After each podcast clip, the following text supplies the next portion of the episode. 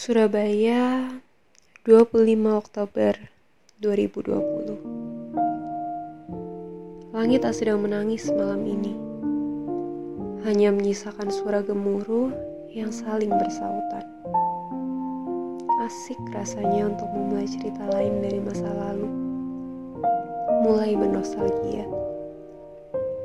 Ah, tapi setiap malam, hujan ataupun tidak, gemuruh ataupun tidak, rasanya selalu asik untuk bernostalgia.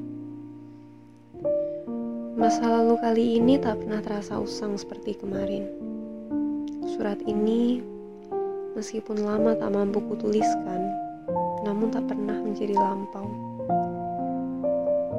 Kali ini aku akan menceritakan masa lalu di mana aku mulai kembali melangkah setelah ditinggalkan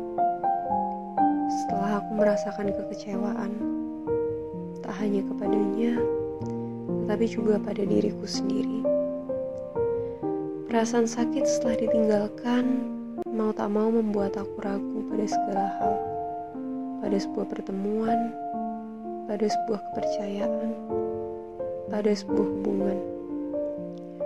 Ada sebuah jurang yang tak berani kulalui Terlalu rapuh rasanya jembatan kepercayaan ini untuk kembali menemui orang baru.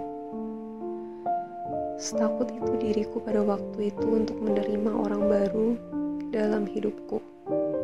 Untuk mempercayakan diriku yang berharga ini pada orang lain setelah disakiti dan ditinggalkan sedemikian rupa.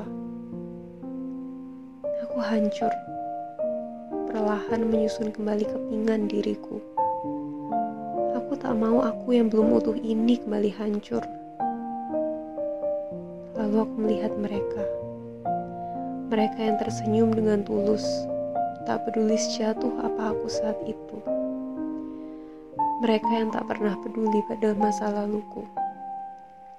Mereka yang menginginkanku atas apa adanya diriku.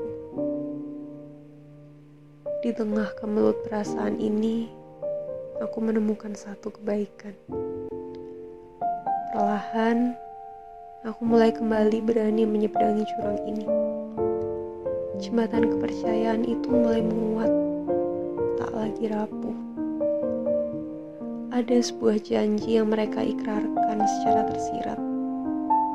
Janji bahwa mereka tak akan meninggalkanku. Bahwa mereka akan selalu kembali, tak peduli sejauh apa pun mereka melangkah.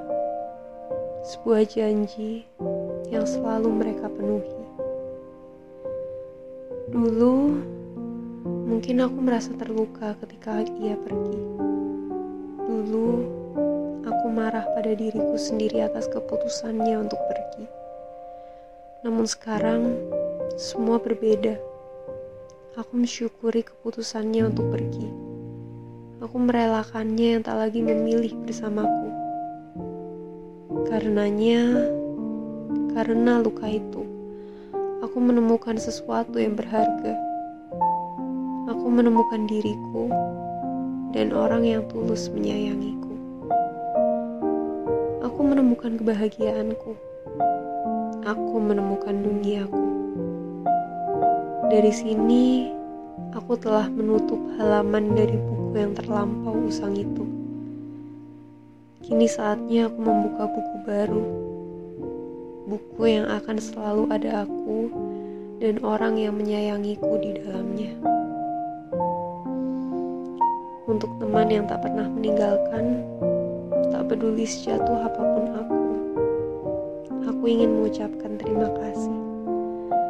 Terima kasih karena sudah hadir.